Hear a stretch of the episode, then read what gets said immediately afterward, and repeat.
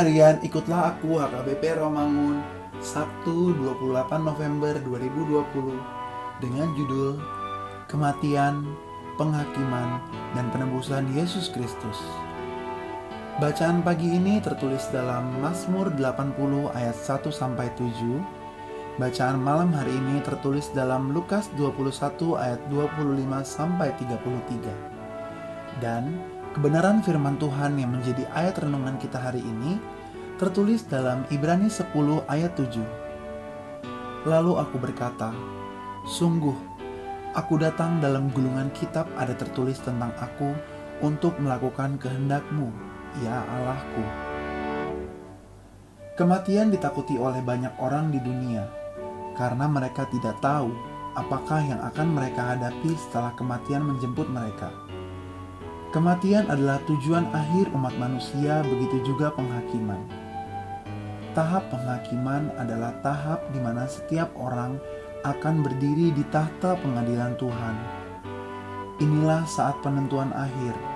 Apakah seseorang diperkenankan masuk dunia yang akan datang atau dibuang ke dalam lautan api? Tertulis dalam Wahyu 20 ayat 12 sampai 15. Tidak ada orang yang dapat menghindari kematian maupun penghakiman. Karena Allah yang membuat hukum dan keadilan, dan Dia juga yang akan menghakimi semua manusia. Saat akhir dunia ini mendekat, Allah akan menyatakan keadilannya menurut setiap perbuatan yang telah dilakukan setiap orang. Bagi sebagian orang, Ia akan memberikan karunia kehidupan kekal, tetapi selebihnya kutukan kekal. Bagi orang berdosa, penghakiman adalah pencurahan murka Allah, tetapi bagi orang yang benar adalah pengurapan kasih karunia. Yesus Kristus akan datang sebagai hakim di masa kedatangannya yang kedua kalinya nanti. Alkitab juga mengajarkan adanya penebusan oleh Yesus Kristus. Karena itu, kalau kita percaya kepada Dia, maka Kematian dan penghakiman bukan lagi sesuatu yang menakutkan.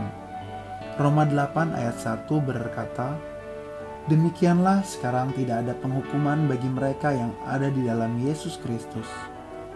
Kiranya kita semua dapat bersama-sama menyanyikan lagu kemenangan di akhir kehidupan kita di dunia. Ya Bapa, pimpin kami untuk hidup dalam pertobatan setiap hari dan selalu siap sedia kapan pun Engkau datang menjemput kami. Amin.